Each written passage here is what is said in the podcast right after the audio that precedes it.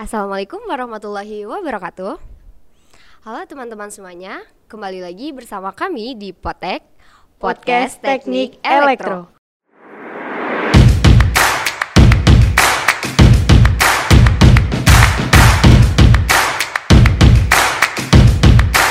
Mengambil potekan ilmu. Sebelumnya kenalin nama aku Vivit dan teman aku Nisha. Nah, pada potek kali ini kita kedatangan mas-mas yang baru aja pulang dari Jepang nih. Halo, semua. Halo semua. Ada Mas Dayu dan Mas Fikra. Mungkin dari Mas Dayu dulu bisa perkenalan terlebih dahulu. Apa nih yang harus dikenalin kira-kira? Eh, nama, angkatan, sama mungkin asalnya sih Mas. Oke, eh, halo semua teman-teman. Kenalin nama aku Muhammad Hendrix Dayu. Biasa dipanggil Dayu. Aku dari Teknik Elektro angkatan 2019. Asal aku dari Serang, Banten. Salam kenal semuanya. Salam kenal. Halo. Oke, Salam kenal Mas. giliran aku ya. Ya, perkenalkan namaku Muhammad Fikra Zaki, biasa dipanggil Fikra. Dari Teknik Elektro juga, angkatan 2019, sama kayak Dayu. Asalnya dari Kebumen, Jawa Tengah. Salam kenal Mas. Salam kenal. Oke, sebelum kita membahas lebih lanjut nih tentang Bang di Jepang, eh, gimana nih kabar dari Mas Dayu atau Mas Fikra? Mas Dayu dulu gimana nih Mas? Alhamdulillah kabar so far so good lah ya. Nggak ada kuliah, jadi nggak banyak tenaga yang dikeluarkan. Cuma mungkin akar dan pikiran aja nih yang dikhawatirkan sebenarnya Oh, gitu. Akal dan pikirannya aja. Ya, itu itu. gitu sih kalau jawaban-jawaban masuk akhir biasanya. Karena sometimes kita kangen banget ya sama kuliah ya. Iri banget sama yang ujian iri banget sama yang kelas gitu ya. Ketawa lagi gimana Fikra? Oke, kabarnya alhamdulillah aku sih luar biasa baik ya. Karena betul kata Dayu, ketika sudah nggak ambil kelas ini, mungkin sedikit perbaikan pola tidur ya. Dan alhamdulillah eh, cukuplah tidurnya lah. 8 jam gak Mas? 8 jam itu? 8 jam. Oh, ada aman aman aman Eh, jadi ya alhamdulillah dengan kondisi yang sehat insya Allah Oke, tadi kan kabarnya eh, baik-baik aja gitu. Terus kayak mungkin kangen mata kuliah gitu kan ya, matkul-matkul. Nah, kesibukan apa sih Mas sekarang yang lagi dijalanin gitu buat mahasiswa-mahasiswa akhir gitu? Oke. Ntar aku dulu sebelum kita jawab Apa? MC gimana kabarnya nih? Oh iya betul. Eh, kabarnya baik-baik aja, mungkin sibuk-sibuk. Kita lagi sehat-sehat aja ya. sih, ya kan? Iya, benar-benar. aman dan Aman, Aman, aman, aman semua Eh, kita. Diusahakan aman. Ya, diusahakan. begitulah. Lanjut boleh nggak jawab. Oke eh, menjawab tadi ya kesibukan ya. Eh, pastinya satu eh, men- menggarap tugas akhir ya. Itu eh, sudah pastilah jadi kerjaan. Yang satu kerjaan tapi ya perlu s- apa ya kedisiplinan juga gitu. Tuh pertama itu. Kalau sekarang dari aku pribadi sih eh, sambil menyambi ini juga ya. Mungkin ya untuk mengisi waktu luang. Eh, sekarang lagi kondisi mengajar di eh, tempat ekskul. Jadi gitu. Eh, jadi sekaligus menga- mengajar teman-teman anak-anak SD di apa ya bisa dibilang lembaga pendidikan juga gitu. Setiap satu pekan sekali. Cuma buat ngisi isi aja lah ya itu sih itu kesibukan jadi selain menggarap TA saya juga itu nyambi Oh iya iya. Hmm, Kalau dari. Mas Dayu? kalau aku sendiri sebenarnya kesibukan eh, sama lah ya kayak standar mahasiswa akhirnya lainnya gitu Eh, nggak jauh-jauh dari ngurusin masalah skripsi kemudian juga mungkin eh, aku juga sambil menyiapkan apa ya kebutuhan-kebutuhan dunia pasca kuliah kayak gitu Hmm. kayak misalnya mungkin aku ngambil eh, les TOEFL preparation dan mungkin mempersiapkan beberapa apa ya jenis-jenis tes bahasa Inggris yang memang aku butuhkan kayak Duolingo dan lain-lain sebagainya. Eh, kemudian juga mungkin aku di proses yang apa ya karena ada beberapa rencana gitu ya ada beberapa rencana pasca kuliah memang udah aku tentukan dan eh, harus dipersiapkan dari sekarang. Jadi memang kesibukannya ya itu skripsi sambil coba menyiapkan dunia pasca kuliahku kayak gitu Oke, mungkin sekarang lagi pada ngurus TA nih ya kalau mahasiswa semester akhir tuh. Nah, eh, di sini kita mau nanya nih Mas, awal mula bisa ikut magang di Jepang itu gimana sih? Ceritanya gitu dari Mas Dewi dulu mungkin? awal mula eh, ikut magang di Jepang ya. Oke nanti mungkin pikiran lebih detail lah ya. Iya. karena gini sebenarnya eh, kita teman-teman yang ikut magang di Jepang tuh teman-teman yang konsentrasi TKI komponen informasi ya kan? Gitu. Jadi kebetulan ada Mas Fikra yang jadi salah satu anggota kita ya kan di kelas eh, beliau punya mungkin kedekatan khusus gitu sama Bu Retno ya. Anaknya Bu Retno gitu kan Oh, kita bahas anaknya Bu anaknya Bu Retno gitu. Lewat Mas Fikra, Mas Fikra lah kita ditawar eh, ditawari eh, sebenarnya bukan ditawari ke Jepang ya awalnya. Ditawari terkait masalah proyeknya. Namanya proyek Redai Reka, penelitian dosen seperti itu, kurang lebih seperti itu yang dibiayai langsung sama pemerintah ya. Iya. Kemendikbud. Hmm. Ya apalah itu lembaga Kemendikbudristek. pemerintah kayak gitu. Iya. Uh, dan memang ada iming-iming dari Bu Retno atau mungkin bonus lah uh, apresiasi dari beliau kalau semisal nanti ikut program ini nanti bakal coba dibantu untuk ikut internship di Jepang kayak gitu jadi emang awal mulanya sesimpel itu teman-teman kayak gitu tanpa tahu sebenarnya kayak proyeknya itu seribet apa sih sehektik apa gitu yang penting ada Jepangnya kan tertarik ya nggak sih Yang penting keluar negeri gitu. Iya. ah kebetulan Jepang salah satu wishlist kita juga ya Vika beberapa teman-teman gitu. ada, iya. Gitu. jadi kayak wah gitu Dari Mas Fikra gimana nih Mas? Oke, ini cerita yang agak eh, detail. ya, detail dan mungkin lebih maju lagi ya kan ini tepatnya tahun lalu sebenarnya bulan bulan bulan Juli Juni Juni Juli lah gitu. Jadi, jadi kan eh, ya mungkin ya kita masih kondisi eh, semester berapa kemarin? Berarti 6 ya? Enam tujuh gitu lah. Nah eh, ya kuliah biasa. Pas itu ada oh ini KPKP juga. Ketika itu kebetulan eh, Prof. Retno eh, Bu Retno itu eh, sebagai pembimbing KP salah satu teman kami. Jadi eh, ketika itu entah kenapa eh, keluarlah tawaran dari eh, beliau gitu. Saya ada project mas, mbak gitu. Ada yang berminat gitu. Nanti bisa ke Jepang gitu. itu langsung ketika lagi eh, apa habis KP gitu kan. Nah di situ eh, lah kok ini orang-orang nggak jawab semua teman-temanku ini. Gitu. Aku ya eh, ya boleh bu gitu. Cuma kan eh, agak mungkin ya belum serius lah. Ya kalau berminat hubungin saya saja gitu. Nah di situ ada ya apa namanya mungkin ya wah ini kesempatan ini gitu. Ada Prof Retno terus juga eh, tawaran seperti itu gitu. Nah di sini eh, ada pertimbangan juga mungkin dari diri pribadi ya. Jadi kan eh, kira-kira gimana ya terutama eh, kalau teman-teman yang organisasi sepertinya kalau akhir tahun dan awal tahun cukup hektik gitu ya. itu agak agak agak kupertimbangkan. Nah, setelah itu kupertimbangkan mungkin juga minta saran orang tua. Oh ya udah di gas aja gitu ya, gas aja. Akhirnya aku hubungilah beliau eh, ternyata untuk mempelajari beberapa tugas akhir kakak tingkat dulu. Nah, akhirnya ke situ ada project terus, Mas eh, cari teman lagi. Saya ada lima slot, lima slot orang gitu. kan. Nah, di situ terus. Oh, iya Bu, Eh, terus. Nah, ini aku bingung. Lima ini sedikit. Aku nawarin ke siapa gitu kan. Akhirnya aku tawarkan ke teman-teman sama konsentrasi eh, teknik komputer informasi TKI gitu. Walaupun secara projectnya nggak ini ya, nggak nggak terbatas di TKI banget lah. Tapi karena eh, mungkin ya di sini eh kayaknya daripada ke Metaflux langsung atau ke angkatan nanti takutnya rame. Aku tawarin teman-teman yang eh, dekat dulu di sini kan. Oh, ternyata alhamdulillah dari tujuh orang TKI ya alhamdulillahnya ngepas banget lima orang itu ikut project. Nah di situ ya alhamdulillah lah. Nah, eh, aku mengajak salah satunya Dayu gitu dalam memang eh, ketika kita ikut proyek itu ada beberapa syarat eh, apa ya kita harus mengambil dua mata kuliah yang memang dianjurkan oleh Prof Retno sebenarnya kayak gitu. Jadi eh, dibilang nggak TKI banget enggak, cuma ya TKI banget gitu. Iya. Karena memang eh, peminatannya adalah peminatan TKI kayak gitu sih sebenarnya. Hmm. Mungkin itu eh, Mbak ya sedikitnya. Oke, tadi kan eh, kayak ada proyek gitu kan ya, Mas? Iya. Nah, mekanisme dari proyek itu gimana sih, Mas? Oke. Buat ke magangnya gitu. Menjelaskan.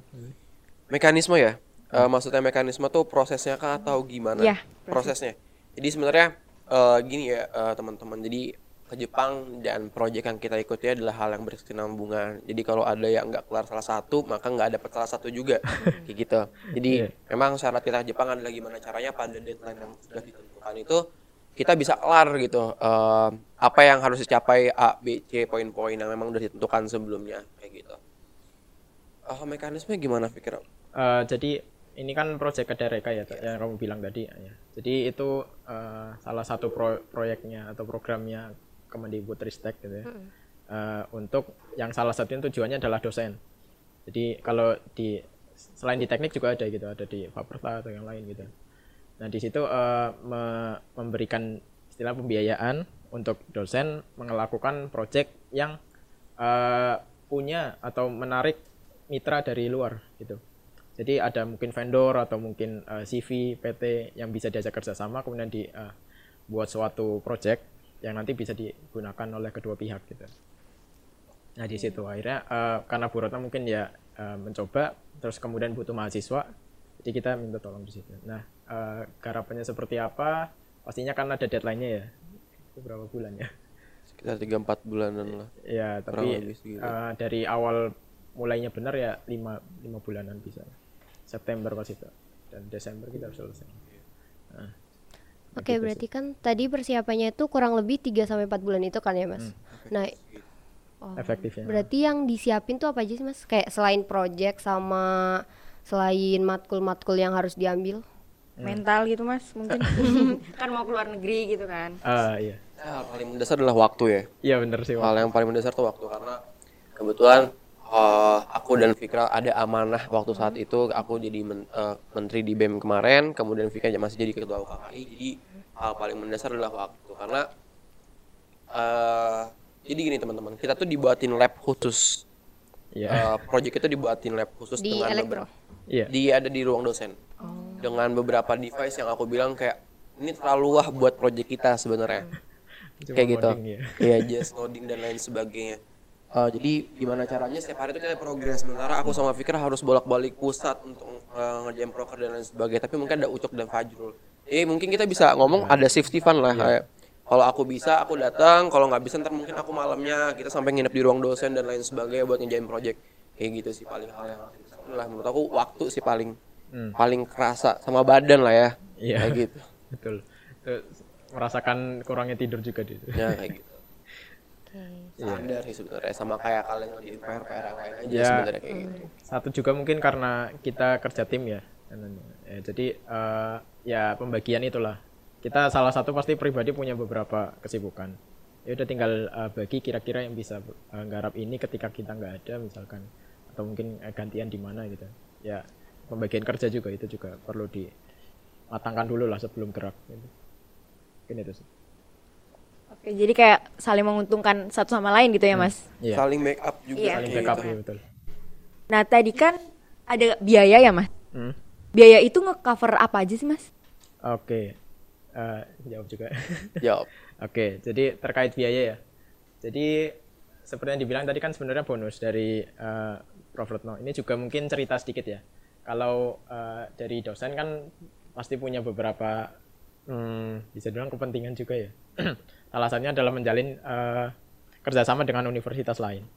Terutama seperti seorang seperti Prof. Retno itu channelnya udah cukup jauh ya. Dari da- ada kenalan di Jepang di namanya Nara eh, Nara Science Institutional Science and Technology itu NICE disingkatnya. nah di situ ada profesor kenalan beliau. Kemudian kita di eh, ya istilahnya diarahkan kalau oh ini ada eh, mahasiswa yang ingin melakukan internship magang di situ. Nah di situ. Nah terkait ini eh, biaya yang di mungkin di cover untuk eh, program yang Bu Retno tawarkan itu mencakup untuk akomodasi tempat tinggal ya. Mm-mm. Jadi eh, salah satunya di sana itu kita sudah dapat ruangan lah istilahnya udah dapat eh, apa ya mes ya ada kayak asramanya gitulah dan itu eh, cukup bagus dibanding mungkin dengan asrama mahasiswa yang asli di situ ya. Karena kan namanya masuknya gue sos gitu ya di situ. Nah untuk eh, yang lain itu sebenarnya tidak di eh, tidak di cover tapi ada istilahnya ya mungkin bantuan. Bantuan eh. jadi tidak di tidak disebutkan untuk apa nanti tapi ada bantuan dari eh, Prof. Retno sendiri dan juga dari NAIS yang bisa kita gunakan untuk misalkan eh, seperti tiket pesawat atau mungkin juga ketika keseharian di sana makan gitu. Kayak uang jajan gitu ya mas? Hmm, ya betul uang jajan yang itu bisa untuk cover itu. Dari Mas Dayu ada tambahan nggak? Eh, sebenarnya cukup banget sih dari Fikra. Cuma mungkin yang apa ya? Tadi mungkin eh, masuk pertanyaan Nisha yang sebelumnya apa yang dipersiapkan ya kan? Ya sel- selain waktu adalah uang. Kalau kita ngomongin Jepang ya kan? Ya betul karena eh, jujur alhamdulillah aku bersyukur ada tabungan.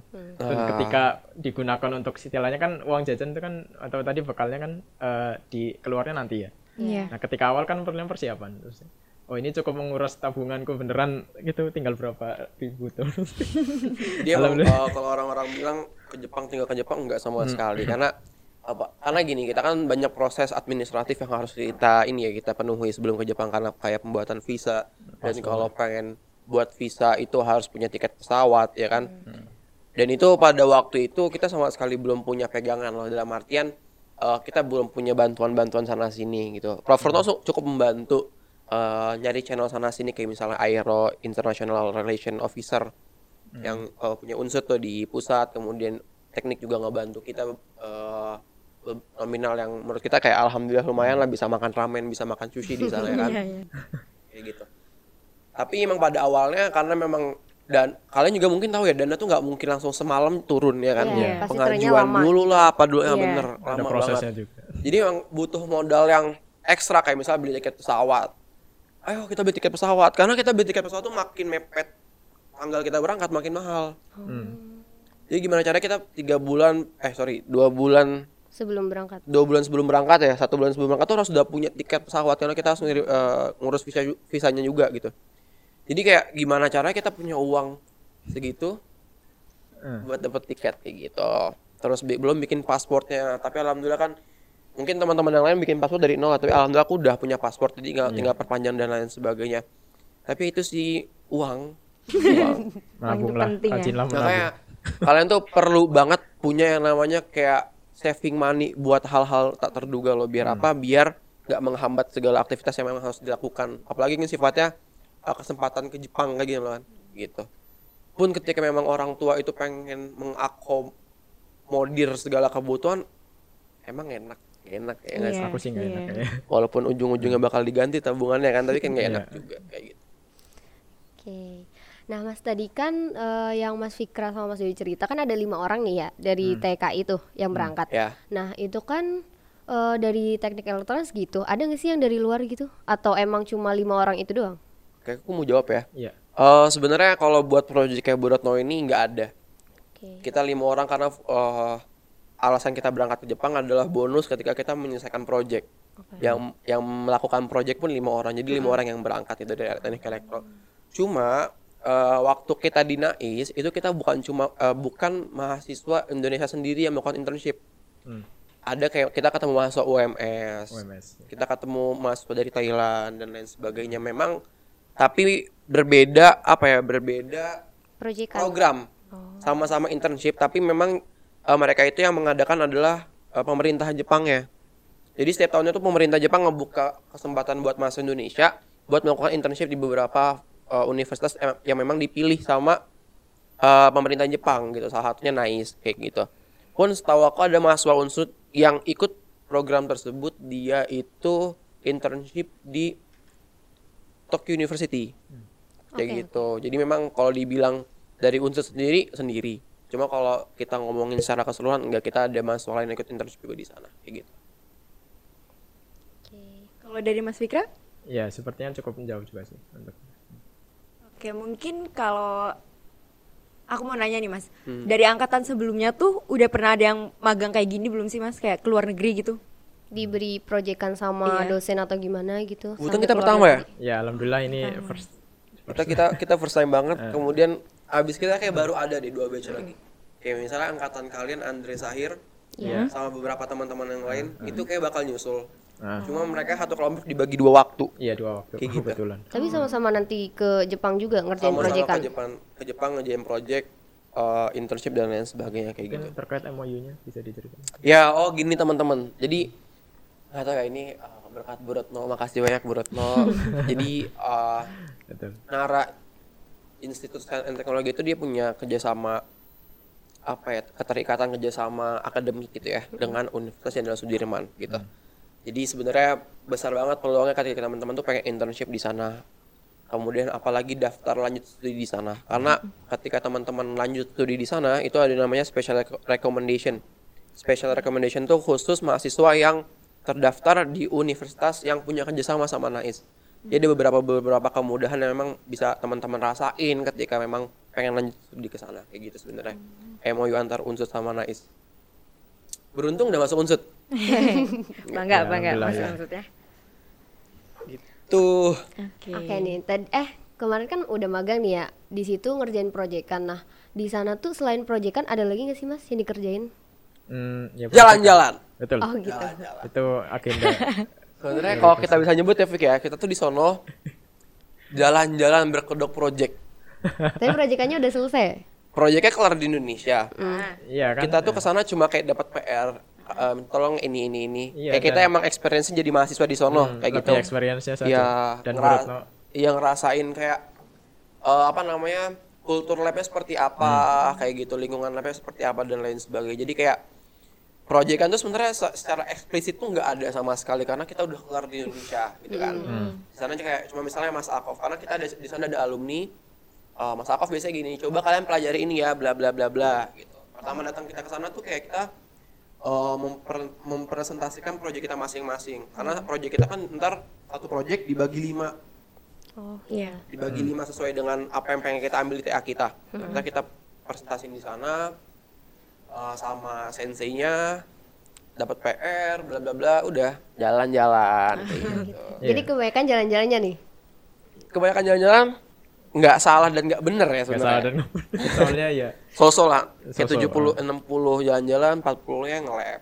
Ah, gitu. Apa kebalik ya? Eh ya gini ya sedikit ceritanya kan karena kita di tempat orang ya dan juga eh, di lab orang gitu. Terutama mungkin teman-teman udah tahu lah eh, negara Jepang itu seperti apa ya. Kita eh, ya behave sebaik mungkin lah terkait mungkin ketika jam eh, jam kerja gitu ya. Jam 9 biasanya kita ya seti- setidaknya harus udah di lab gitu dan entah ngapain ya udah di lab lah. Dan ya, istilahnya star muka juga ke eh, apa namanya di situ ada eh, ohasisan yang sekretarisnya di situ yang mungkin mengawasi kita juga karena lo hilang ke mana ini gitu. Nah jadi gitu. Jadi eh, ada beberapa waktu untuk hari kerja pastinya kita eh, store muka di lab. walaupun juga ngerjakan project dan membantu Mas Alkov dan lainnya.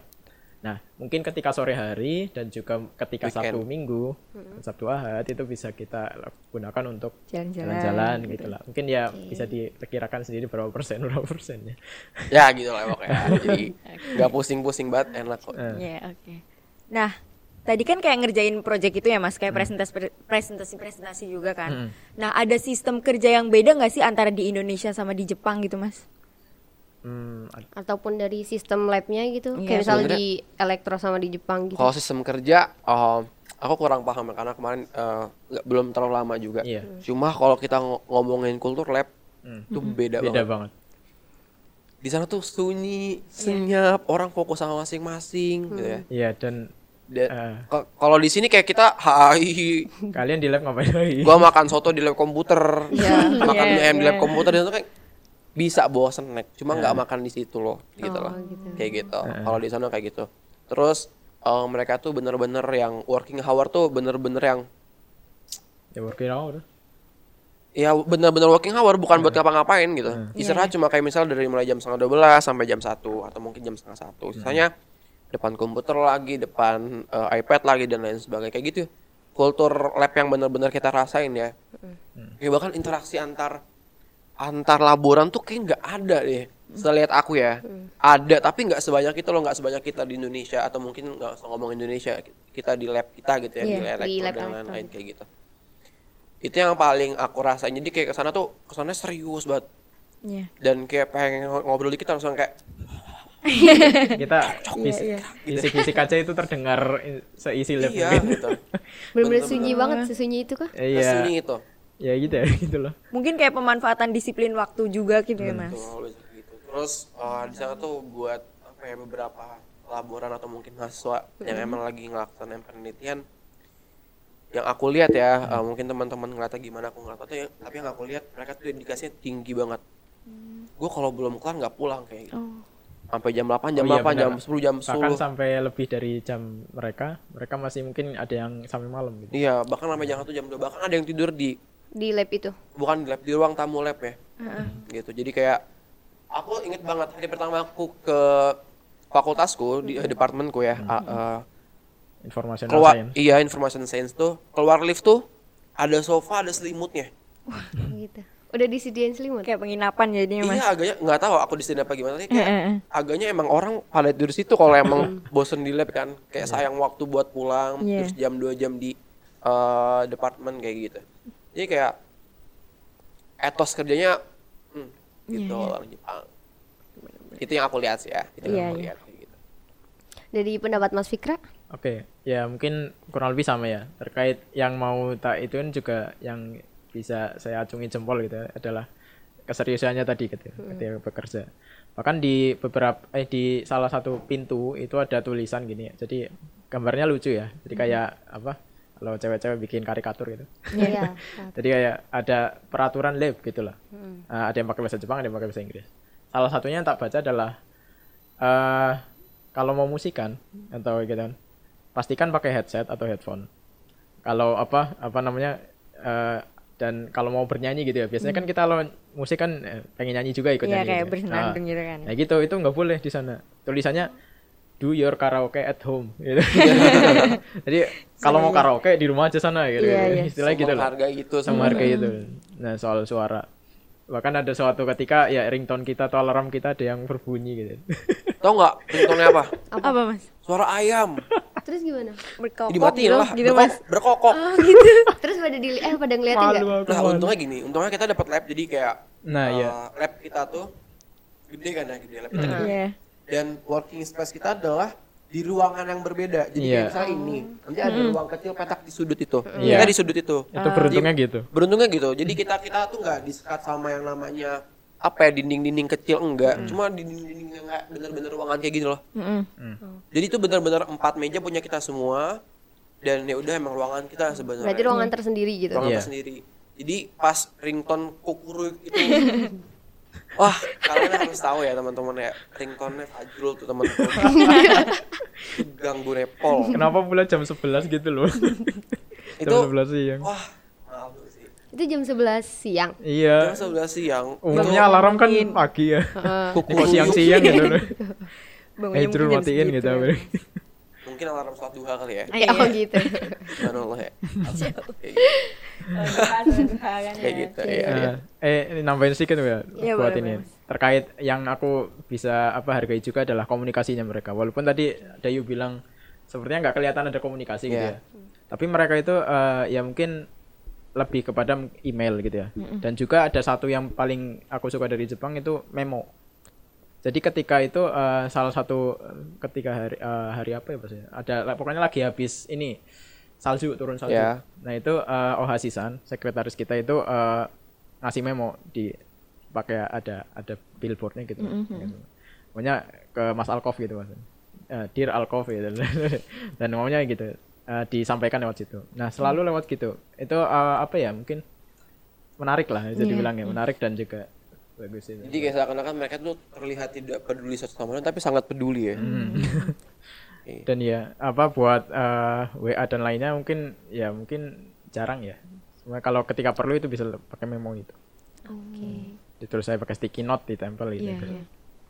Kayak tadi kan ada etos kerja sama kepedulian ya mas. Hmm. Nah apa sih yang Mas Dayu sama Mas Fikra lihat yang emang itu tuh sebenarnya bisa di Indonesia tapi di Indonesia tuh belum nerapin. Kayak budaya mereka tuh sebenarnya baik tapi di Indonesia tuh belum ada gitu. Hmm, apa ya aku masalah ini sebenarnya sih eh, bukan bukan di lab kayaknya sih ada satu hal yang paling aku kagumin dari mereka adalah mereka tuh menjunjung tinggi eh, kepentingan orang-orang pejalan kaki. Iya. Oh gitu. Oh Ya jadi itu, di sana tuh ketika di lebih banyak itu- yang jalan kaki gitu. Sebenarnya kalau kita ngomongin lebih banyak dan lebih sedikit enggak juga. Di beberapa kota misalnya kayak Nara gitu di kotaku eh, di bukan kota kecamatan lah gitu ya. ya, ya itulah ya pokoknya di daerahku itu kayak Iya. sebenarnya sedikit banyak mobil eh, nggak banyak mobil lebih banyak yang berkendara ketimbang orang-orang jalan kaki gitu kalau di jalan raya tapi kalau kita ngomongin di Osaka di daerah-daerah wisata ya tempat-tempat eh, apa ya foreigner itu datang ke negara tersebut tuh pasti banyak pejalan kaki. Cuma yang aku bikin salut, salut adalah mereka tuh bener-bener yang kayak menghargai oke eh, our priority pejalan kaki gitu. Ketimbang berkendara pengendara ketimbang orang yang berkendara tersebut. Kayak misalnya gini aku kasih contoh. Kayak eh, aku kita aku ingat banget. Hal ini tuh aku sadari betul waktu kita eh, minggu pertama beli sushi ya jadi ceritanya wi- eh, week, weekday pamer, pamer. Ah, iya benar benar. benar. weekend pertama kita kita kita diajak Mas Alkov tuh beli sushi Hmm. Dibayarin. enggak bukan hama sushi sushi yang affordable tapi enak Ah iya. hama ya kan? sushi Iya, iya. sama sushi namanya ya kan naik bis lah kita Hmm. Ya kan turun di daerah tersebut pemandangan yang aku lihat adalah sekencang-kencang apa pun mobil sengebut-ngebut apa pun motor yang namanya kalau ada pejalan kaki pengen nyebrang mereka diprioritasin Oh berarti Jadi langsung berhenti. berhenti, gitu. Iya. mereka langsung berhenti Keren. tanpa kita minta loh Iya, iya. pun itu kalau semisal eh, di jalan yang ada yang di jalan yang ada jalan- eh, lampu merahnya itu otomatis berhenti kan Iya. tapi memang kalau emang kayak misalnya belokan belokan yang emang ada space kita buat nyebrang dan di situ tempat penyeberangan adalah jalur mobil atau jalur motor setiap ada mobil yang pengen belok pasti mereka berhenti dulu Oke. walaupun jarak kita sama mobil tuh lebih dekat mobil sama eh, ke belokannya ketimbang Iya. kita ke belokannya kayak nggak di Indonesia nggak bisa Iya, iya, benar. Pasti supirnya pengen nyelonong aja. Iya. Iya, bahkan kayak aku pun orang Indonesia kayak suka emosi sendiri loh kayak gitu tuh. Kayak, apaan sih gitu loh. kayak gitu. Sama kalau di sana tuh minim banget namanya klakson. Hmm, Oh berarti betul. jarang banget. Jalan banget klakson. Jadi nama kalau ada sirine pasti itu udah paling berisik dan udah terdengar dari beberapa meter itu. kalau sirene itu berarti kayak udah hal yang kayak urgent kita ada banget. ambulan ya. Darurat banget gitu ya. Osaka. Damkar. Oh, damkar ya? Cerita lagi pamer. Oh, boleh. Damkar pamer. di sana ada sirenenya? Ada. Ada. Kencang banget. awalnya kan. Kencang banget sirene. Jadi kayak kita hari Sabtu misalnya kita ke sushi minggu kita ke Osaka makan ramen. Oh iya, Oh ramen. gitu. Ya. Oh tadi sushi sekarang ramen. Ah, Iya. bayar sendiri lagi. Kita sendiri lagi pamer. Ntar uh, habis ini mau pamer makan soba ya kita. ya. Oke. Boleh, Jadi boleh, hari Minggu itu kita ke Osaka, entah kenapa kayak kita dapat kejadian unik kalau semisal di Osaka tuh kita kayak ada tragedi apartemen kebakaran. Jadi heboh terus jalan. Iya. Damkarnya yang kayak gitu, ambulan yang lalu lalang kayak kita orang Indonesia kan kepoan ya. Iya, iya. Nggak video, Mas, nggak video. Enggak. Oh, enggak. Gua Soalnya mau nggak ada di storynya. Fajrul sama Dewi Oh, sih. iya. Akhirnya gua sama Fajrul, Jul sono yuk ngeliat ya. Ayo deh. Yang lain pada depan ramen ngantri. Iya. A- Iya. Aku sama Ucok Ngantri. Ngantri kan. Ya aja yang penasaran.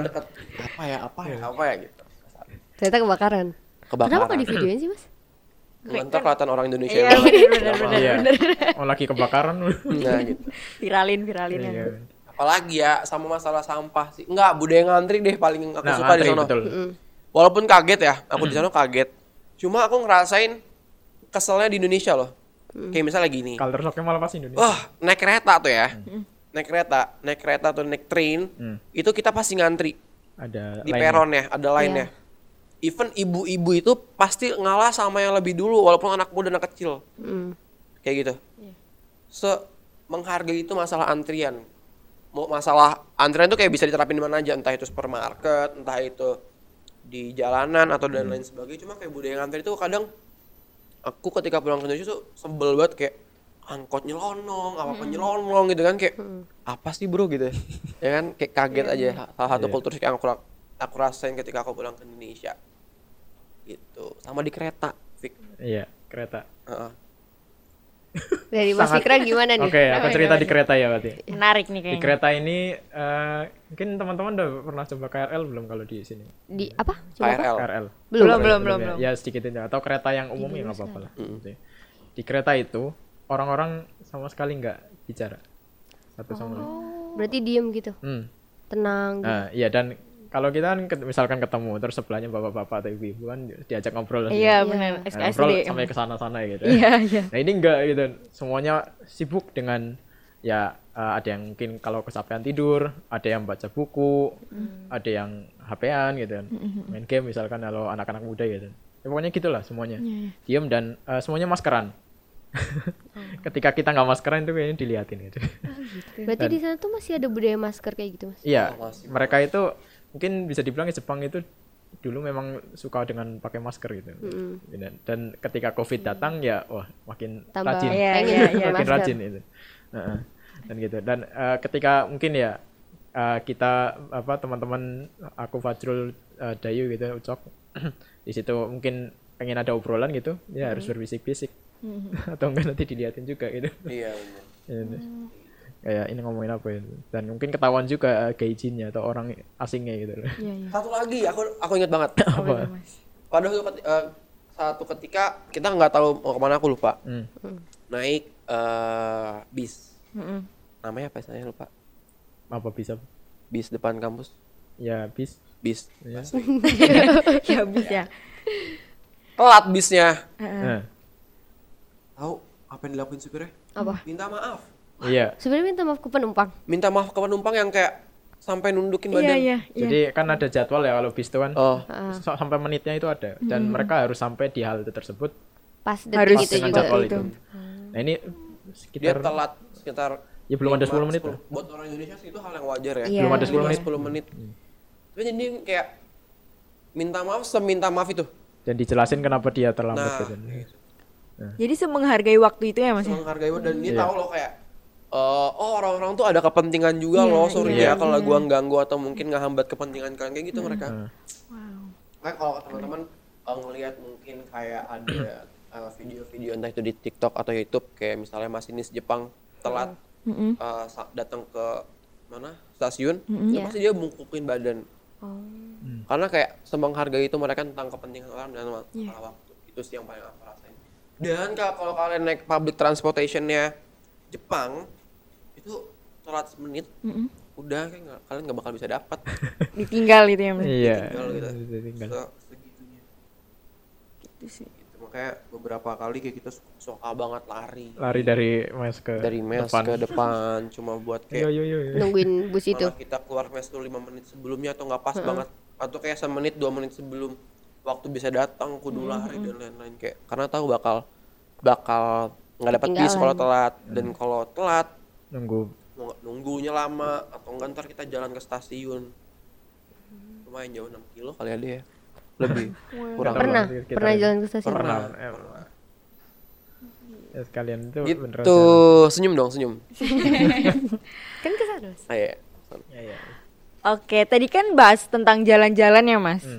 Mungkin eh, mas-masnya ini jalan-jalan di Jepang tuh ke mana aja gitu? Boleh Kan diceritain 60% gitu. kan liburan ya? Aduh, Iya. kamu pengalaman destinasi kita waktu ke apa? Ya, kalau Jepang. yang tempat Kyoto. besarnya apa? Apa kan? Ah. Di YouTube, pamer, di YouTube. pamer. Oh gitu. Pamer. Oke, pamer lagi. Ah, jangan banyak pamer-pamer ah. Pekan pertama apa? Pekan pertama kita sushi sama ramen.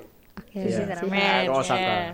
Oh, enggak, kita habis ke Hama Sushi. Nah, Kita jadi itu eh, kesukaan kita selain pelesir di Jepang tuh adalah kita ke Second Street eh, thrifting. Oh. thrifting. Iya, iya, iya. Wah, Second Street Jepang tuh ya, Bro. Luar biasa Kayak pasar Senen. Udah kayak distro Iya, iya. dan sebagus itu. Mahal nggak? Eh, gini ya. Ah, kayaknya mahal sih kayaknya. Enggak, enggak, enggak. Eh, harganya mungkin bisa dibilang lebih mahal dan nggak bisa ditawar pasti of course. Hmm, nggak karena ada barcode-nya. Tapi Iya. kalau semisal harganya di bawah retail pasti di bawah retail kayak misalnya baju naik dia itu misalnya tiga ribu, empat ribu. Iya. Aku dapat cuma seratus ribu. Kayak gitu loh. Iya, iya. iya. Bekas-bekas yang kayak bagus. Gitu. Masih layak pakai gitu ya, Mas? Iya, dan Sangat layak pakai. semuanya kayak habis dicuci, baunya wangi, terus Iya. bagus. Bahkan ya. masih ada yang nem- eh, ada tagnya dan lain sebagainya. Tuh hari eh, hari pertama enggak minggu pertama, hari pertama Sabtu ya berarti ya Fik ya. Hmm, hmm. Kita ke Hama Sushi makan, terus eh, kita Second ke Street. gro- Second Street ke grocery juga, nyari bahan makanan karena kita di sana masak. Apa Nah, tuh, Mas? Biar Masak, hemat, biar biar hemat. Apa tuh masaknya tuh, Mas? Tanya dong sama kokinya. Siapa, Siapa tuh? Siapa tuh? Eh, eh, oh, oh gitu. Sombong sombong dia. Masak apa, Mas? Masak apa ya? Sayur oseng aja gitu ya. He. Ya, yang penting ya kita udah prepare lah sebelumnya kan. Eh, Oh, udah belajar masak. eh, bukan juga sih. kita udah, Sombong ya. iya, udah, udah ada skillnya lah ini. Pokoknya masak kita dari Indonesia tuh udah bawa abon, bawa Mustafa, bawa Indomie, Ya bawa bumbu-bumbu inilah bumbu. Bumbu bumbu instan. racik, bawa kaldu jamur, Oh gitu. prepare itu. Ya kan? Jadi cara lebih murah sih. prepare-nya masak daripada beli ya? Iya. Betul. Karena bento tahu yang apa catering itu Iya. itu eh 600 yen. 16 ribu? Sekitar bukan. Dong. 60 ribu sekitar kalau dikalinya. 60 ribu tuh kalau di sini bisa yang kayak paket 20 30 sebenarnya. Udah tekor itu kamu beli, beli biru dapat berapa? Beli biru. biru. Biru mas biru. Keren. Kayak gitu. Bir. Nah, Ya, kita kayak beli bahan-bahan makanan kayak kita beli ayam, kita beli udang, kita beli sawi gitu-gitu loh. ini yang pasti halal. Yang halal, yang masih halal. Dan kalau di Jepang tuh enaknya apa? Nah, Kalau kalian beli seafood, belinya di malam hari, pasti diskon, Diskon. setiap hari. Kan Diskon di- berapa persen? Oke, bisa 50%, bisa kalau beli satu ganti satu dan lain sebagainya. Kan kalau di Indonesia kan kayak diskon tuh nunggu season ya. Iya, Iya. benar. Kayak misalnya apa-apa baru diskon. Iya. Akhir Setiap tahun gitu-gitu. iya. Kalau di sana setiap malam diskon kayak salmon, tuna dan lain Alasannya apa tuh Mas diskon tiap malam itu ada? karena udah nggak fresh bukan nggak fresh bener dia masih fresh itu cuma mungkin daripada buat besok Iya. nggak Mending lebih di fresh diskon gitu. sekarang mending diskon biar habis aja kayak gitu. Terus hari kedua kita ke Osaka ya kalau nggak salah ya? Iya Osaka. kita ke Osaka makan ramen. Terus kita ke apa namanya? Ah. Mana sih? karena namanya bahasa Jepang jadi susah. Jadi kayak Osaka tuh dia punya Oh ini Street gitu loh. Astagfirullah, astagfirullah. jadi kayak emang foreigner itu semua ke sono. Kayak bener-bener street yang isinya gliko gliko Iya glikomen ada glikomen di sini. ada glikomen di sana Iya, iya. Yang Nah, kalau aku ingat aku kasih tahu ya aku lupa banget jadi di sana tuh kayak kanan kiri tuh kayak store Ah, Doton Buri. Doton Buri Doton. kayak Iya. ada store misalnya kayak banyak store lah misalnya Nike, Skechers terus apa Onitsuka, ada ada Gucci juga, Prada kan gitu lah, foreigner foreigner yang buat mancanegara, Iya, gitu kan? iya. Kesono. Kesono ngapain? Lihat-lihat deh, Bang. Beli lah. Aduh. Lihat-lihat doang. Lihat-lihat doang. Enggak banget. Enggak, enggak. Dia. Gak apa-apa, gak apa. Di sana, di sana karena kebetulan ada titipan ya kan. Hmm. Siapa tuh Mas yang nitip? Just tip, just tip itu Mas. jadi kayak gini kita tuh kita tuh punya sponsor masing-masing ya. Oh, gitu. Aku mau aku dengan mamaku yang jadi sponsor, temanku Fajrul dengan kakaknya yang jadi sponsor. Dia mau nggak mau apa yang diinginkan sponsor saya lakukan. Dibeliin. Kayak gitu. Iya. apa yang disukai sponsor saya lakukan. Itu kan misalnya mamaku suka Skechers ya, aku beli Skechers. Iya. ya kan. Fajrul itu kakaknya Onitsuka. nitip Onitsuka. Oke. Ribet banget kan. Onitsuka ada ini ini ini. Iya, iya. Cari karena Onitsuka tuh ada dua made in, ada made in Jepang sama ada made in Indonesia. Hmm. Itu cari yang made in Jepang. Oke lah aku misah lah sama Fajrul, aku ditemenin sama Mas Alkov sama Mbak siapa aku lupa ya Allah. Astagfirullah, Mbak. Fajrul sama Ucok gitu kan. Sama aku Iya. juga. Sama Fikra. Udah kita bisa belanja di sana. Belanja. Belanja. belanja cuma gitu doang. Karena ya aku Hmm. gara-gara ada Mbak, duh aku lupa lagi Astagfirullahaladzim. Mbak siapa gitu Mbak ya. temannya Mas Akom Mbak temannya Mas. Alkov itu. Aku dapat diskon gede-gedean. Nah, dia punya kupon di ini belanja. Dia punya kupon, terus aku make eh, pasport buat tax free. Hmm. Jadi kayak Turun banget ya. gitulah. Jadi mah barangnya diskonan ya mah maaf. Enggak. Gak apa-apa, gak apa-apa. Asal Jepang ya belinya. Iya, iya. Udah jalan-jalan. Osaka kita ke mana lagi ya, Fik? Kayaknya udah itu juga Oh di Osaka tuh aku- kalian pulang duluan aku sama Fajrul Iya, terakhiran. Itu, itu mau udah mepet maghrib ternyata waktu itu sangat cepat sekali berlalunya kan. Gitu. Di sana tuh kan, Iya, iya. rasanya cepat banget gitu. Minggu kedua kita ke mana Fik? Minggu kedua eh eh kita kayaknya Kyoto Minggu ya? minggu kedua tuh bukan cuma satu sama minggu kita jalan-jalan. Satu minggu full. itu. Enggak full dong. nggak ya kan? tetap tetap project. Ya full. tetap tetap ada ja- Kyoto uh, nggak sih udah. Kyoto sama kita ke Nara. Oh iya benar. Ya kita sempat ke Osaka lagi karena Fikra mau ke tempat yang anim iya, tuh ya. iya, Denden Apa Town. namanya? Denden Town. Jadi kayak full anim. Ini tempat otakku tapi teman-teman tidak wibunya. Oh, Mas Fikra ibu ya? Eh iya bisa dibilang. Mas Dewi juga udah keturunan ibu. gitu. Makasih loh Fit ya. Iya. Jadi biar ini biar bisa pamer jadi apa? Wibu verified. Ya, Bu. siap, siap, siap. Jadi ke Osaka. Cuma ya di Osaka tuh ada kejadian paling ini Apa? paling membekas gitu ya. Apa tuh? Yang kita misahkan. Oh iya benar. Jadi gini, kita tuh di sana konsepnya adalah kita nggak pakai kartu lokal Jepang, tapi kita beli kartu lokal satu buat tethering. buat tethering ke orang-orang. Jadi itu dipasang ke Fajrul, ya Fajrul, kan? ah. Dipasang ke Fajrul, Fajrul yang hotspotin kita semua. Iya. Pas jalan-jalan di Osaka tuh ko- konsepnya adalah kita misah. Nah, karena ya Denden tahun, denden tahun, Fikra yang nggak tertarik ya udah kita misah. Iya, aku iya. sendirian jadinya. Iya dia sendirian, aku bertiga, aku Fajrul Oh, iya. sama Ucok Mas bertiga. Ucok, iya. Kita kan aman ada sinyal ya bro. Iya. Iya, bener-bener. Karena nggak ada sinyal ya. Aku tapi aku ya, ada. emang tapi jangan khawatir sih Jepang tuh kayak banyak banget lo public wifi Hmm. Hmm. kayak gitu. Habis itu misah nih. Kita pengen ke ramen yang minggu pertama kita makan. Oh, iya. Nah, memang Iya. candu sih. Emang enak banget walaupun Enak mahal. Iya. Iya. Jepang Mahal. mahal ya. Udah mumpung ke Jepang ya kan. Oke, it's okay. Kayak gitu. Akhirnya eh ramennya tutup. Iya. Soalnya Terus? lagi winter tuh persediaan bahan makanan nggak bisa nggak bisa didistribusiin. Akhirnya kita makan ramen instan Instan. di 7-Eleven. Iya, Seven. Apa di Lawson. Lawson aku lupa. Oh, tahu di sana kan. Kira nungguin Fikra kelar dinding tahun. Iya. Kan. Aku kan dari jam 12 ya Iya sampai jam sampai jam 3 jam 3 Kayak jam 3 kita Lama juga ya. iya. lama tapi kerasa cepet banget ya Pokoknya jam pokoknya Saya menikmati. Ntar nunggu di sini ya. Oke, nunggu di sini. Nah. Ya kan? Oke, nunggu di sini kan. Ya enggak, Fik? Iya, iya. Ya kan? Sampai jam 3 tuh. Ucok yang kayak, "Ayo, takut Fikar nungguin kan." Soalnya dia enggak ada sinyal sama sekali. Udahlah kita bergegas. dari povnya Dayu ya nanti Ini nunggu di mana ya? Nunggu di mana ya? Iya. Fikarnya mana ya gitu. dingin banget soalnya di luar Dingin banget. Iya, iya. Tangan nggak tuh kayak-? Lagi winter. tangan tuh kalau walaupun udah pakai sarung tangan tuh Tetap nembus gitu ya, Mas ya? literally yang kayak definisi dingin tapi sakit loh tangan kalau Iya, keluar iya, ya kan? iya, tahu, tahu. kita masuk 7-Eleven bolak-balik buat ngangetin doang eh nggak buat ngangetin diri doang keluar lagi pikiran mana 4 nggak ada pikirannya nggak ada pikirannya Berarti Mas Ikra tuh lagi ngilang gitu. Misah nih- sama Ini kita, kalian. kita ngilangin di posisi nanti kayak kita ceritain nanti tuh dari eh, sudut pandangku aku udah ke tujuanku Fikra udah ke tujuan Fikra kita lagi proses balik nih Iya. Tapi nggak ketemu-ketemu. nggak ketemu ketemu sampai jam 4 setengah lima ya kan Hmm. dapet lah message dari Fikra dapet eh, dari Fikra kamu di mana di tempat tadi kita janjian Iya, iya. Fikra aku di stasiun kayak oke. Dia duluan. Dia duluan. ada alasannya nanti Kita nungguin sampai jam setengah lima dia duluan. Iya, iya, iya. aduh aku ngerasa bersalah sih emang soalnya emang abis itu kita kayak eh, ke kena kenara. Nah ini ya Nara. Kenara pusat. Ini jadi- Yamayaki kalau ngomongin historical Jepang ya Nara itu dulu jadi kayak pusat pemerintahan Jepang sebelum Tokyo. Ya nggak Fik? sebelum Tokyo dan Kyoto sebelum Tokyo dan Kyoto.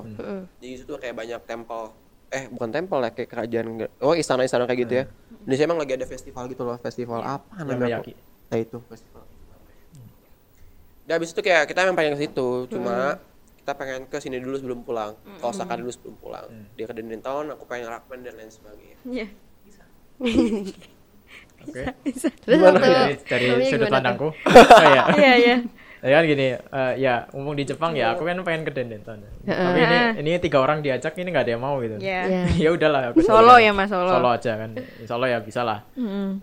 Nah, terus eh, ke Dendenton itu beneran Dendenton tuh luas. Jadi kayak sa- satu jalan isinya tuh toko-toko wibu semua ya. Gini. ada yang merchandise anime ada yang mungkin Kamen Rider ada yang ini loh punya Yu-Gi-Oh atau kartu-kartu gitu banyak. Satu satu jalan gitu. Aku sampai situ wah ini tiga jam gak cukup ini. Ya udah aku milih eh, dua apa tiga ya? Oh dua bangunan lah. Nah ternyata satu bangunan pun lantainya enam.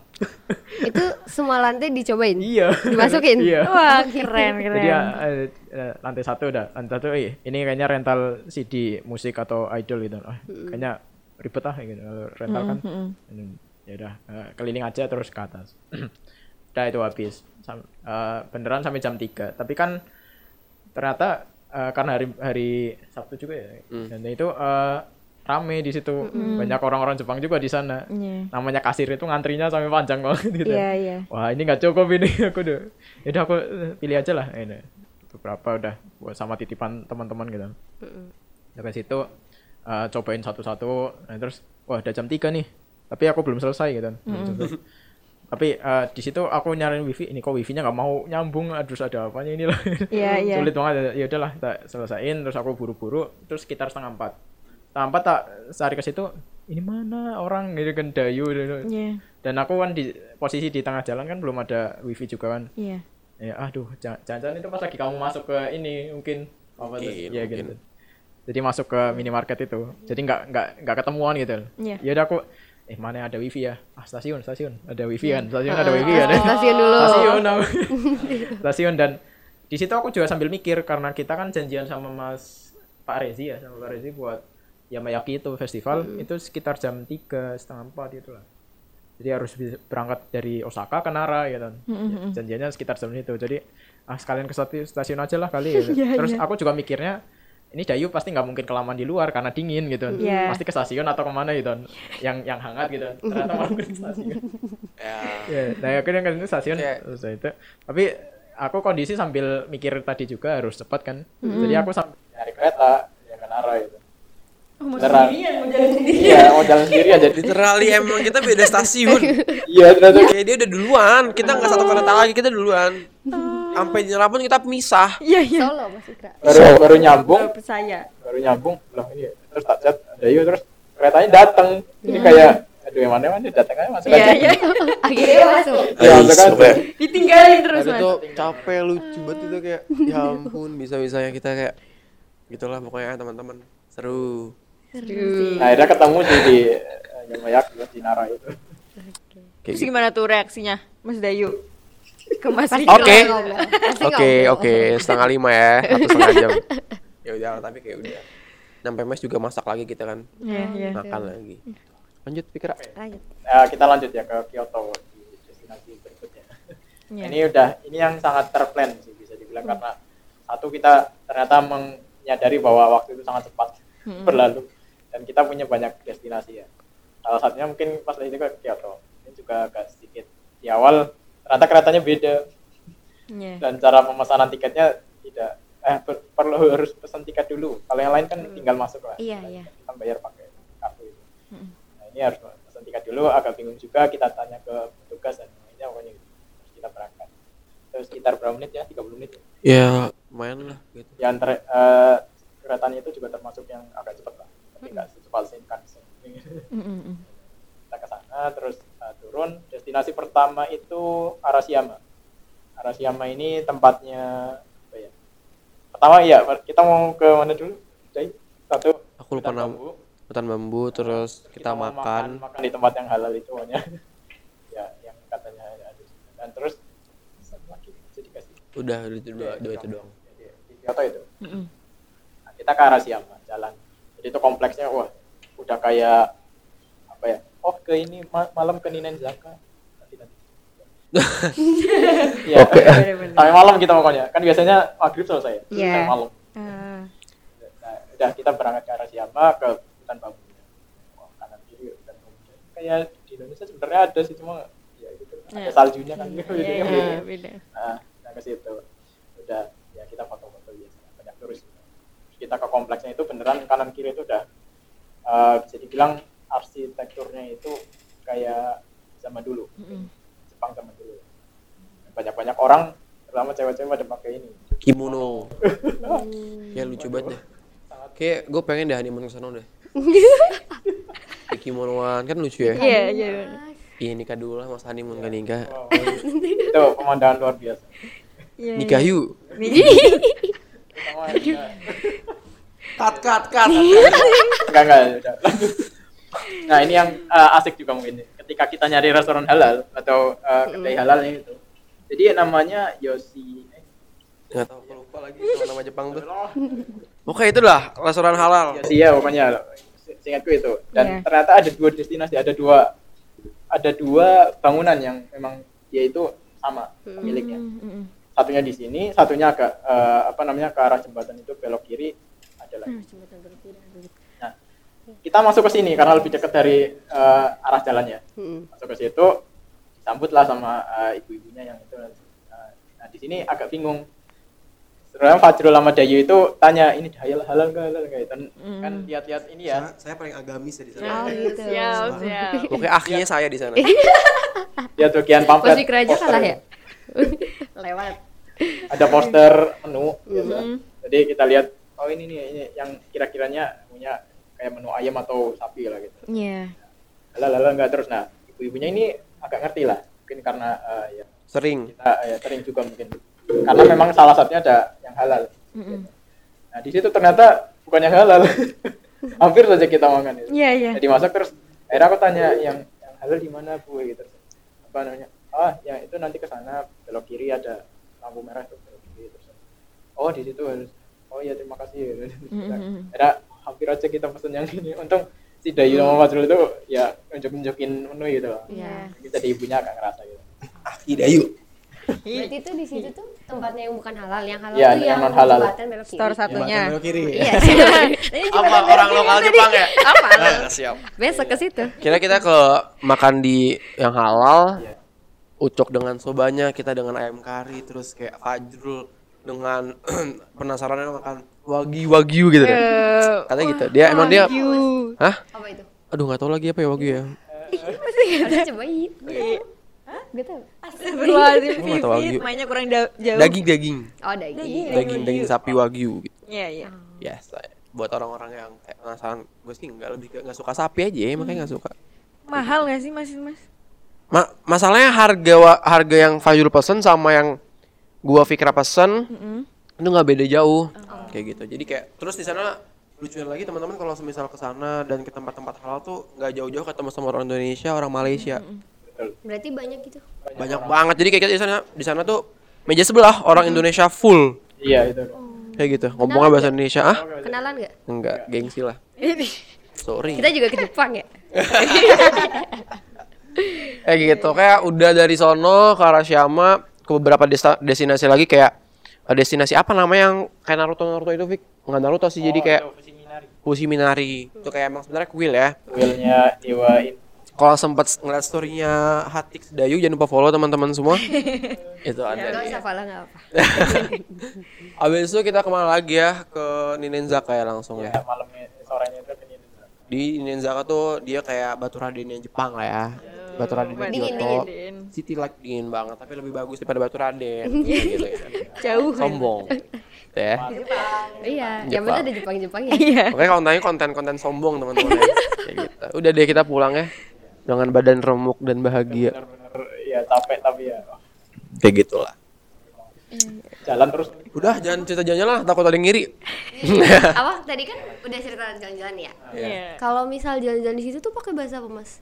Of course Inggris. Oh, Inggris. Inggris. Berarti Nggak ada yang Jepang udah, gitu, Mas? udah pada bisa bahasa Inggris gitu? Hah? Gak ada yang Jepang gitu. Ini dia Jepang. Jadi kalau pengantar di lab itu boleh pakai bahasa Inggris karena kalau kita lihat eh, sejarah Jepang ya mereka itu kan sempat tertutup gitu. Jadi eh, bahasa luar itu sebenarnya mereka nggak begitu pintar lah. Kalau pintar bahasa Inggris, pintaran kita. Jujur aja pintar bahasa orang Indonesia. Iya iya iya.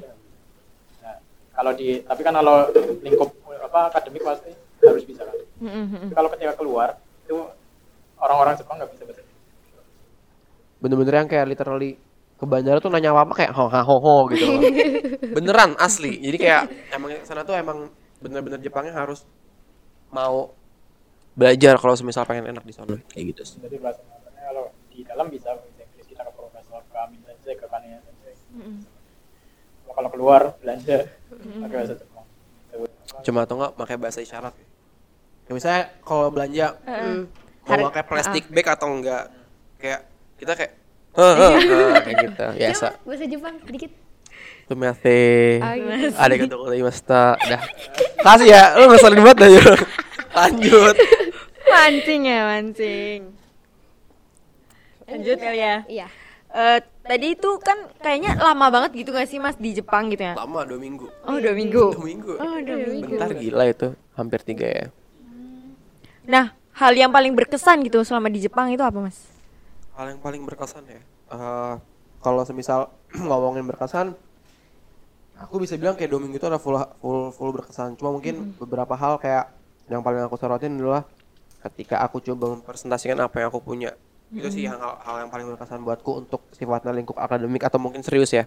Iya. Eh, ketika aku emang belajar harba, kayak dapat PR nih, dapat hal baru, kemudian kita presentasiin di depan Amin Sensei itu kayak hal yang kayak nggak bisa aku dapetin di sini loh. Pertama adalah oke mungkin hal eh, presentasi adalah hal yang biasa.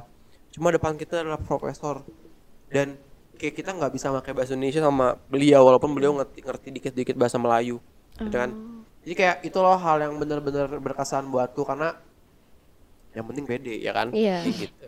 Jadi. Terus kalau semisal di luar akademik atau mungkin di, di luar hal yang serius, yang paling berkesan adalah nggak jauh-jauh dari apa yang aku lihat di Jepang sebenarnya kayak orangnya seperti apa, budayanya seperti apa, kayak gitu sih sebenarnya. Kalau dari aku ya nggak nggak spesifik tapi emang sebanyak itu kagetnya di Jepang kayak gitu. Tuh. Oke. Pikir gimana? Oke. Kalau dari aku sih eh, apa ya? Aku ketika sampai di Jepang itu mungkin dan juga eh, menjalani kehidupan juga di sana gitu ya. Itu merasakan kalau "Wah, Jepang ternyata ya di bumi juga gitu. iya. Ya, Iya, yang satu betul. gitu. Iya. Ternyata apa ya? Yang mungkin kita lihat di foto-foto, video-video gitu. Mm-mm. Eh, langitnya yang mungkin cerah terus, emang, emang cerah terus ini ngecit semua. Kalau kalian mungkin HP-nya pas-pasan, Uh-uh. kalian moto langit Jepang, udah jelas bagus. Soalnya emang bagus gitu. Iya, iya, iya. nggak perlu HP bagus lah istilahnya. Gitu. Eh, apa ya pemandangan dan orang-orangnya ya oh, ternyata mereka ya orang bumi juga gitu maksudnya. Gitu iya. sih. Itu yang salah satunya dan beberapa akademik juga pengalaman itu juga uh, berkesan sih juga uh, maksudnya ya kita mengkomunikasikan dengan uh, orang-orang yang mungkin uh, sangat berbeda lah bangsanya dan dan satu juga yang bagus itu jadi teman-teman di Indo- Indonesia itu uh, ya kita kan mayoritas muslim ya Iya. karena itu uh, Hmm, apa iya. ya, ini betul-betul apa ya tantangan sekaligus ya apresiasi juga Karena kita uh, ada apa ya harus bisa bersikap selayaknya ya orang Islam gitu ya. kita sholat ya itu masih alhamdulillah masih uh, ya berjamaah itu ada lah Oh iya. jadi ada tempat khusus sendiri ya kita biasanya orang-orang Indonesia orang-orang Malaysia itu pada dan pas jumatan jumatan juga ada kita nyew apa bukan nyewa, ini Izin, minjem izin. buat uh, kayak hal apa sih namanya aula gitu ya buat uh, jumatan dan ya bapaknya pakai pakai bahasa Inggris Berarti di sana tuh ada jumatan juga. Ada, jadi kayak di sana kebetulan kebetulan NISO adalah kayak international university gitu loh. Iya. Bisa dibilang salah satu kelasnya gitu. Jadi eh, banyak orang Indonesia di sana dan perkumpulan orang Indonesia di sana adalah orang-orang yang kayak punya keterikatan bagus loh. Mm-mm. Jadi eh, bahkan kalau aku tambahin dari Fikra ya selain saat Jumat tuh kita sebelum pulang itu malamnya kita pengajian. Pengajian? Ada kajian rutin setiap malam Jumat ya kalau nggak salah. Ada kajian rutin gitu. Jadi kayak kajian rutin terus eh, setiap orang pakai bawa, bawa bekalnya masing-masing. Kita makan di situ bercanda di situ kayak wah enak banget deh gitu. Iya, seru, seru. yang kita bawa makan Indonesia kan dari teman-teman Indonesia Nah, ah, gitu. Oh, apa nih apa Iya, nih iya. gitu ya kayak Sharing gitu, Mas. sharing, betul. Betul sekali. Kayak gitu sih paling. ya, akademik terus kita di luar negeri atau di bukan di negara dia itu tidak membatasi selalu ingat lah Hmm. ya, budaya kita sendiri lah Iya, iya. iya. Kajian jangan lupa. Kasian. Aku banget. Iya, bener. Siap. Nah kan kemarin tuh ke Jepang ya. Ada niatan buat situ lagi nggak? Ada. Gitu. Ada. Kalau ditanya ada jelas. Oke. Seru ya masalahnya. Minta Mas. doanya ya teman-teman Iya. ya. Teman-teman minta doanya ya. Kita juga Biar- bisa nyusul ya semoga Biar ya. dilancarkan prosesnya gitu. Iya. Proses apa mas? Proses ke sananya. oh iya mungkin kalian bicara soal apa ya beasiswa juga. Mm-mm. karena kan tadi yang kita bilang kan dari Purut Iya. Cuma kan untuk ke sana sendiri sebagai eh, mungkin berangkat sebagai pelajar gitu ya ada proses juga yang harus di eh, apa namanya ikuti. Salah satunya kemarin kita dapat rekomendasi itu eh, beasiswa ini untuk Kapuso Max. Ba eh Apa tuh, apa Mas? itu beasiswa untuk, Dari pemerintah eh, Jepang. ya, dari pemerintah Jepang dari kedutaan Jepang untuk negara-negara yang memang berafiliasi gitu salah satunya Indonesia. Nah di situ eh, apa namanya didaftarkan dan nanti eh, bisa apa ya itu milih kan ya universitas milih universitasnya milih. universitasnya milih aja. Nah, jadi misalkan kita punya NAIS gitu, punya uh, kenalan profesor di NAIS, kita bisa ngontak beliau kalau kita mendaftarkan di NAIS dengan beasiswa Max itu. Nanti bakal mungkin ketika dapat rekomendasi lolos. Tapi emang nggak semudah apa yang diceritakan kita ya karena banyak banget. Karena gini kalau aku dapat cerita dari Brutno yang or- orang yang pengen ikut Max atau Mon Mon Bungakuso itu itu nyiapinnya nggak sebulan dua bulan bahkan Iya. setahun. Jadi kayak misalnya gue pengen ikut periode 2024 oke berarti sekarang gue nyiapin ya kayak Iya, gitu. itu kalau ikut Max. Karena emang dapatnya gede juga gitu. Ya walaupun mungkin di bawah LPDP ya teman-teman. Tapi pun teman-teman yang emang pengen lanjut ke NAIS atau mungkin ke Jepang ketika emang teman-teman punya udah punya keinginan kuat tapi memang belum punya beasiswa ya sebenarnya nggak apa-apa juga mau berangkat dengan biaya mandiri untuk semester pertama. Pun dari teman eh, dari pihak universitas adalah eh dari pihak universitas mereka menyediakan ini loh namanya twi apa ya kayak exemption sorry nah exemption tuh kayak diskon. Kayak buat international student bisa diskon 50% 70% 80% sesuai dengan pengajuan. Jadi kayak sebenarnya itu benar-benar membantu. Tinggal gimana caranya kita nabung buat cover biaya kehidupan aja yang memang notabene-nya masih bisa kita press sedikit demi sedikit kayak gitu sebenarnya. Pun teman-teman kalau semisal masuk sana bawa laptop satu aja cukup banget. Karena di sana full full apa ya full akomodir kayak misalnya komputer dua i- iya MacBook MacBook satu kayak gitu loh. Bebungnya bawa pulang mas? bisa dibawa pulang. Oh, bisa? tapi ya kalian harus masih, masih jadi mahasiswa jadi kayak udah kelar mahasiswa dibalikin lagi lah. Oh. enggak Kirain jadi kita. enggak hak milik dong kayak gitu. Jadi sebenarnya banyak banget loh eh, kesempatan beasiswa yang bisa kalian dapat sebelum masuk dan sudah masuk kayak gitu. Kayak Mas Akov alumni kita dia dapat max itu setelah dia masuk. Jadi se- eh, setahun dia mandiri eh sorry satu semester dia mandiri daftar untuk semester selanjutnya pakai Max kayak gitu dan banyak sebenarnya beasiswa Max. Kayak Otsuka, Yinomoto dan lain sebagainya itu banyak banget. Sebenarnya kan kita udah bahas nih ya te- tentang beberapa pengalaman dari Mas Fikra sama Mas Dayu nih tentang magang di Jepang. Nah, ada nggak sih tips buat angkatan selanjutnya yang mungkin pengen gitu ke Jepang? Kayak kalian? program internship berarti ya? Iya, betul. aku pengen coba jawab ya teman-teman juga harus tahu sebenarnya aku udah mention sebelumnya kalau misal untuk sama Nice tuh punya hubungan bilateral antar kerja sama akademik kayak gitu. Yang emang diperaka, diprakasai sama Provertno ya. Jadi aku rasa dimulai dari situ tiap internship program internship yang emang dimiliki sama informasi information science-nya eh Nice ataupun Nice secara keseluruhan itu kita punya kesempatan yang sangat besar dan luas sebenarnya kayak gitu.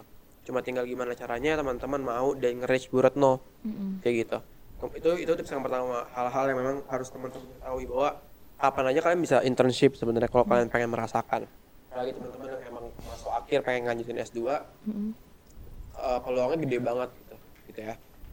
Kemudian kalau misal eh, teman-teman pengen ke Jepang juga aku rasa eh, apa ya Fik ya? Kayak banyak-banyak project dosen. Ya banyak-banyak project dosen. Sebenarnya nggak nggak nggak nggak sesempit Jepang doang dunia ini kan sometimes mungkin dari project dosen mana bisa ke mana gitu. Entah kalaupun nggak ke luar negeri at least mungkin ke luar kota dan lain sebagainya gitu sih. Jadi hal-hal yang memang bisa jadi apa ya bisa jadi apa ya mungkin bonus bonus kalian keluar tuh bisa bisa dari project dosen kayak gitu. Kalau dari aku sih paling kayak gitu. Kalau dari Mas Fikra? Oke, eh, terkait tips ya. Eh, pertama betul terkait ini karena sebetulnya kita mahasiswa itu punya banyak peluang yang bilang Dayu. Tapi memang peluang itu yang harus dicari dan dijemput ya. Salah satunya adalah eh, ke dosen-dosen gitu. Eh, Bapak Ibu dosen itu punya eh, banyak channel. Terus juga ya kita p- pasti lebih mudah lah kalau eh, dibantu oleh beliau-beliau. Nah di situ memang eh, kita salah satunya adalah ketika ambil kesempatan ya eh, siapkan gitu, siapkan diri. Dan juga jangan takut buat ambil resiko lah. Hmm. Itu pastinya sih, karena ya eh, kita melihat dari terutama Bu- Prof. Retno gitu ya, dari memang ketika pembinaan project itu betul-betul disiplinnya betul-betul harus ya. ini kita ada deadline dan kita ada ini dan betul-betul tiap hari harus ada progres. Beliau itu termasuk tipe yang eh, menanyakan rutin. Sudah sampai mana mas? Gitu. kan kalau kita nggak bisa apa mungkin eh, masih kesulitan gitu kan eh, nggak enak juga. Iya, iya. di situ. Terus juga apa ya eh untuk teman-teman yang mungkin meng- mengidamkan ingin ke Jepang gitu ya, mungkin ya entah kalian yang wibu mungkin ya. Atau itu eh, ya. jadikanlah mungkin hobi kalian itu ya buat belajar lah kalau aku sih gitu ya. Terutama eh, soal bahasa gitu. Mungkin kita bisa pengantar itu bahasa Inggris bisa dan itu sangat bagus. Karena internasional kan eh, dibuka informasi itu lewat bahasa Inggris. Inggris ya. Hmm, itu itu jadi eh, pelajaran penting apa pelajaran yang harus lah. Ini, itu wajib juga tapi juga eh, karena kita lihat eh, tadi ya kondisinya Jepang yang mungkin beberapa masih kesulitan dalam bahasa Inggris ya why not lah belajar bahasa Jepang sedikit itu dari buku-buku dari apa dan juga ada namanya CLPT kalau CLPT itu kayak TOEFL-nya eh, Levelnya Jepang Iya, jadi itu eh, bisa teman-teman ikuti ada beberapa level. Kalau TOEFL kan biasanya skor ya pakainya. Iya. Nah kalau eh, Jepang itu ada N5, N4 sampai N1. Nah itu paling mudah N5 sampai paling fasih itu N1. itu mungkin teman-teman bisa eh, eh, cari infonya juga di internet CLPT gitu. Itu eh, biasanya dilaksanakan di kota-kota besar kayak Jakarta, Semarang, Jogja, yang lainnya gitu. Biasanya ada ini. tiap-tiap akhir semester biasanya. biasanya gitu loh eh, kalau aku yang kalau aku lihat dari mahasiswa elektro adalah mereka tuh eh, yang aku lihat ya tapi ini eh, nosalty dan subjektif aku aja ya teman-teman Eh, sebenarnya kita tuh kadang kita tuh kadang ya eh, suka mengulang apa yang memang sudah ada. Kayak gitu loh mahasiswa elektro tuh mungkin kayak gitu. Kayak misalnya aku nggak tahu tuh aku sebenarnya kayak eh, belum pernah lihat atau mungkin belum pernah denger kayak ide-ide pengen magang di mana. Kayak magang di Google magang di mungkin beberapa startup dan lain sebagainya. Padahal kalau teman-teman tahu gede banget peluangnya sebenarnya. Kayak gitu. loh. Jadi kita kayak ujung-ujungnya magang di PLN lagi. Wah, aku nggak aku nggak ngomong buruk tapi mungkin ada beberapa hal yang memang bisa coba dieksplor sama teman-teman Iya. eh, elektro dan sebenarnya itu salah satu tips and trick sih scrolling scrolling hal-hal yang memang nggak biasa aja sih teman-teman kayak gitu. Nggak usah takut susah atau mungkin biaya dan lain sebagainya. Kayak banyak loh jalur jalur bisa dapat uang sebenarnya. Minta bantuan lewat HMTM minta bantuan bisa mungkin ya dibantu kalau kalian punya pendamping atau mungkin eh, dosen yang eh, ngebimbingkan dari awal ya coba tanyain ke beliau barangkali mereka mungkin kayak beliau punya apa ya punya eh, channel atau mungkin punya saran dan lain sebagainya kayak gitu sih teman-teman tips dari aku Oke. sama Iya. Fikra Oke, mungkin kan tadi kita udah bahas nih Mas beberapa hal mengenai magang di Jepang. Nah, sekarang eh, sekarang kan kita tuh lagi ada di Potek ya. Iya. potek Iya, Pot. Podcast Nah, teknik. boleh nggak sih eh, dari Mas Fikra sama Mas Dayu ngasih beberapa harapan gitu buat Potek ke depannya? buat potek ya Iya. Iya. buat potek eh, sebenarnya aku eh, potek ini adalah di luar ekspektasiku ya Iya. Siapa sangka? Eh, di luar ekspektasiku akan se-prepare dan so-well ini gitu sebenarnya apresiasi dulu menurut saya ya keren banget Keren, Gitu keren, kan? keren, keren, keren. Eh, karena ya kalau kita ngomong historical potek potek ini pertama kali ada tuh waktu magang kalian di HMT ku ya nggak sih Iya. Iya. stop. Iya kan Iya, iya benar. benar. magang kalian di HMT ku di Medcominfo eh di Kominfo apa namanya aku lupa Medcom. Medcom ya kan Medcom namanya Medcom Eh, dan dikembangkan setiap tahunnya sampai sewel ini gitu kan Iya. kayak eh, yang aku harapin dari teman-teman potek adalah masalah masalah teknis aku rasa aku udah nggak perlu mengkoreksi dan lain sebagainya karena udah sewel ini kayak kita eh, kit-kit juga udah bagus banget. Cuma tinggal eh, masalah gimana teman-teman mengemas dan memilih materi. Bagaimana teman-teman potek ini mengemas dan memilih materi yang memang sifatnya nggak cuma elektro banget loh gitu. Iya. banyak hal-hal yang memang bisa diekspor teman-teman elektro. Eh, karena pun ketika kita di pasca kuliah gitu ya kita nggak serta merta kerja di ladang elektro doang. Kadang teman-teman bisa kerja di kadang konsultan dan lain sebagainya gitu. Karena karena aku ngeliat beberapa alumni nggak semua alumni kerja di elektro di di di apa ya elektro di elektrofield aja kayak nggak bukan di lapangan loh. Bukan juga di eh, back office yang emang sifatnya elektro juga enggak gitu. Ada yang kerja jadi data data engineer ada yang kerja jadi kayak HR atau mungkin eh HRIS HRIS gitu. Kayak banyak. Jadi eh, mungkin aku rasa dari potek inilah atau mungkin media-media yang dimiliki HMTE lainnya gimana caranya teman-teman elektro tuh tahu dunia yang lebih luas aku mikir kayak gitu sih kayak gitu jadi dimanfaatkan untuk setiap periode HMT yang ada Harapan dari Mas Fikra gimana Mas? Oke, ya kalau aku sih kurang lebih sama lah. Itu udah lumayan banyak dari Dayu.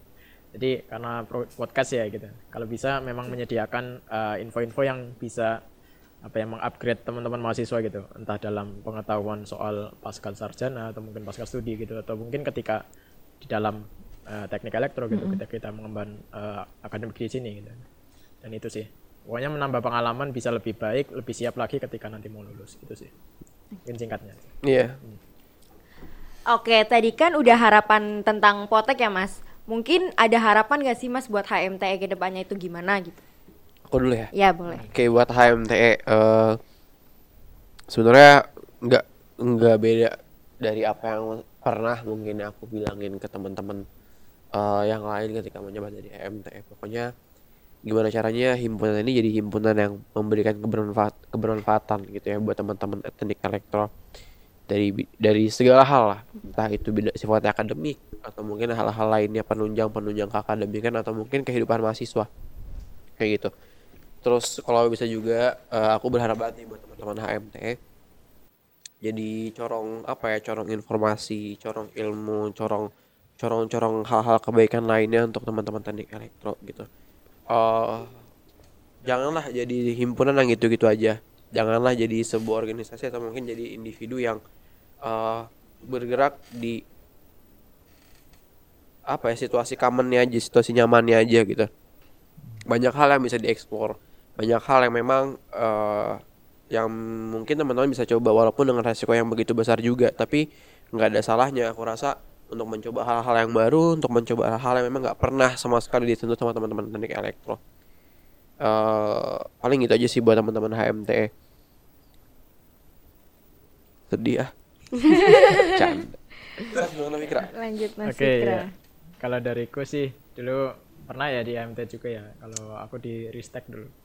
ya di situ ya dapat pengalaman ya setidaknya gambaran terkait HMT unsut gitu ya satunya ada yang aku pengenkan adalah ya ke depan itu HMT betul-betul ya. Jadi apa ya bisa dibilang ya fasilitator lah buat teman-teman mahasiswa tuh. Jadi eh, ketika di dalam eh, kampus teman-teman bisa tadi yang tak bilang juga eh, apa mengupgrade eh, potensi teman-teman lah. Itu teman-teman bisa dapat pengalaman HMT ini yang fasilitasi HMT ada info apa magang misalkan apa itu kalau kalau bisa dari HMT itu bagus dan juga teman-teman juga punya tugas untuk eh, mencetak ya alumni yang juga istilahnya ya berafiliasi lah masih ketika sudah lulus nanti itu kalau bisa eh, ya alumni itu bisa kita berdayakan untuk membantu teman-teman yang masih mahasiswa gitu Iya. Mas. Jadi ya mungkin dapat channel lah, entah itu dapat pekerjaan atau mungkin studi lanjut dan dan lainnya. Cuman eh, sangat berguna gitu. Jadi yang eh, HMT kenapa ada gitu kan himpunan mahasiswa ya di universitas-universitas yang lain gitu ya.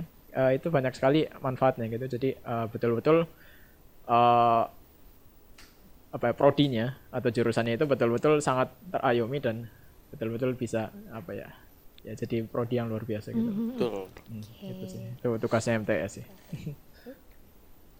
Oke. Oke, sebelumnya makasih banyak buat Mas Dayu sama Mas Fikra Makasih yang juga. yang Sama. udah nyempetin waktunya buat hadir di sini. benar. Makasih juga buat teman-teman semuanya yang udah mau nonton potek kita sampai Iya benar sampai selesai. Lanjut. Lanjut, eh, mungkin sekian episode Potek kali ini yang membahas tentang magang di Jepang ya oleh Mas Dayu dan Mas Fikra. Eh, buat temen-temen jangan lupa nonton video ini sampai habis. Kemudian jangan lupa like, comment, and subscribe eh, channel YouTube dari HMT Unsut. Dari aku Nisha dan Aku Vivit. Kita pamit undur diri. Dadah. Dadah.